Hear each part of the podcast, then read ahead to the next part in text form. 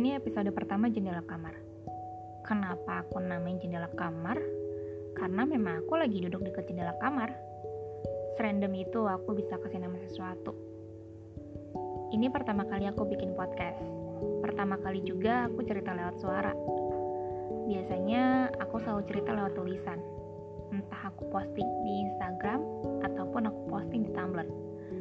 Ya, meskipun tulisan aku juga nggak sebagus tulisan orang-orang di sana sih. Aku juga biasa cerita sama diri sendiri.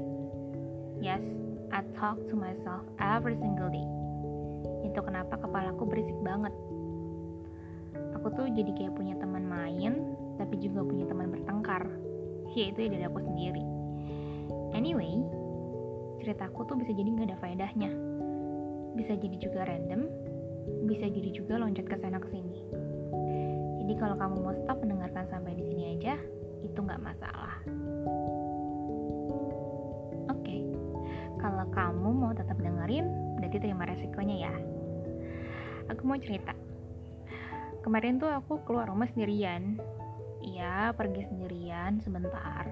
Karena emang rasa lagi emosi banget. Perginya memang gak terlalu jauh sih dari rumah Nah, dari rumah tuh sebenarnya udah ngerasa khawatir banget gak bakal nemu tempat buat nyepi. Karena itu tuh hari pertama penerapan PPKM. Buat kamu yang gak tahu PPKM itu apa, PPKM itu pemberlakuan pembatasan kegiatan masyarakat. Jadi intinya ya masyarakat diminta di rumah aja.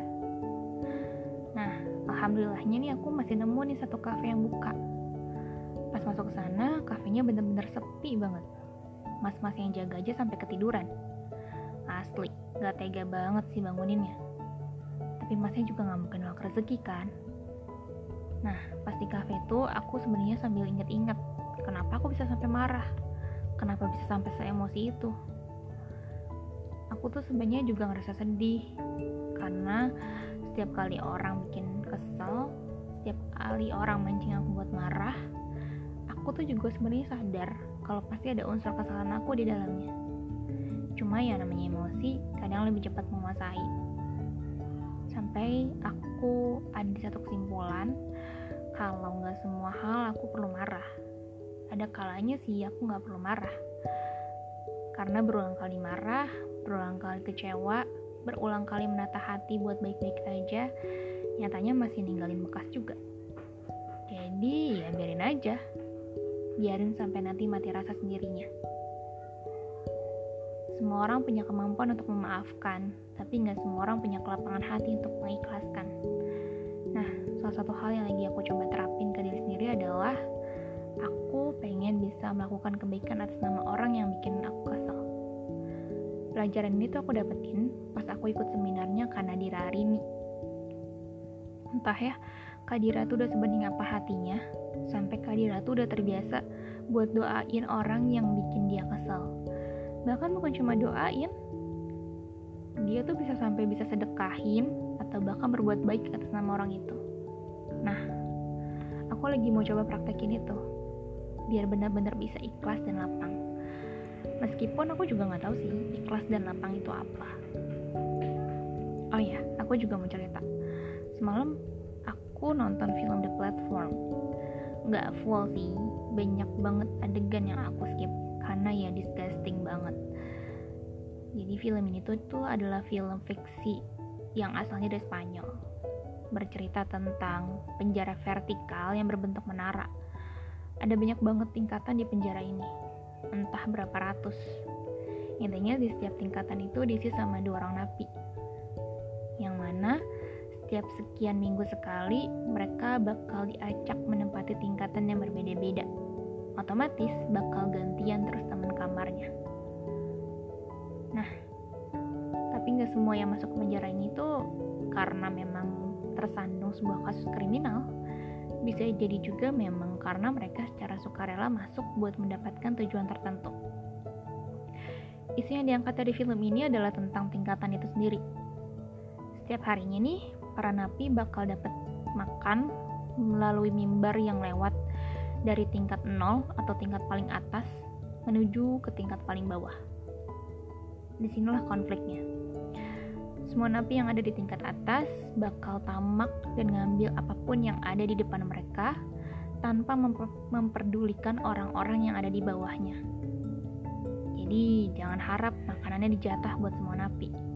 Semakin mimbarnya turun ke bawah, semakin sedikit makanan yang tersisa. Bahkan, napi yang ada di bawah bisa jadi nggak dapat sisa makanan sama sekali. Kalaupun ada, udah pasti isinya tuh ada injekan, muntahan, bahkan kotoran yang asalnya dari napi-napi di atasnya mereka. Nah, karena berminggu-minggu mereka nggak makan, mereka bakal jadi liar dan kelaparan. Mereka bisa aja membunuh teman satu salnya sendiri. Ya, memakan atau dimakan. Nggak ada yang namanya solidaritas. Semua bertindak atas kepentingan masing-masing. Kalau dipikir-pikir cukup relate ya sama apa yang terjadi kita jadi sama kita pada akhir-akhir ini. Ya, bukan bermaksud mengeneralisir, tapi film ini bisa jadi sebuah kritik sosial bahwa manusia-manusia di tingkat atas itu banyak yang menggunakan seluruh kekuatan, kemampuan, kekuasaan yang mereka punya buat mengeruk apa pun yang ada di depan mata mereka. Misalnya sih para koruptor, apalagi koruptor bantuan sosial.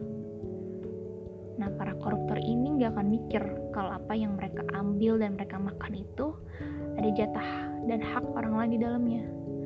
Sementara orang-orang yang ada di bawah mereka kesulitan untuk bertahan hidup. Kemiskinan itu kan deket banget sama kekufuran. Makanya orang miskin tuh bisa jadi aja tega ngelakuin apa pun demi bisa bertahan hidup. Salah siapa? Salah manusia itu sendiri yang bertindak tanpa hati nurani. Hidup itu sebab akibat. Ketika kita bertindak A, maka secara nggak langsung akan berdampak A aksen pada orang lain sebagai muslim kita tentu juga meyakini bahwa ada yang namanya pembalasan semua yang kita lakuin pasti bakal dibalas di hari itu makanya kita diminta baik terus menerus dalam kondisi apa pun dalam keadaan apa pun karena kita tahu sesungguhnya kita selalu dalam pengawasan dan genggamannya well itu aja cerita aku hari ini terima kasih sudah mau mendengarkan semoga nggak sakit kuping setelah ini Sehat-sehat terus kalian semua. Sampai bertemu lagi di episode jendela kamar selanjutnya. Dah.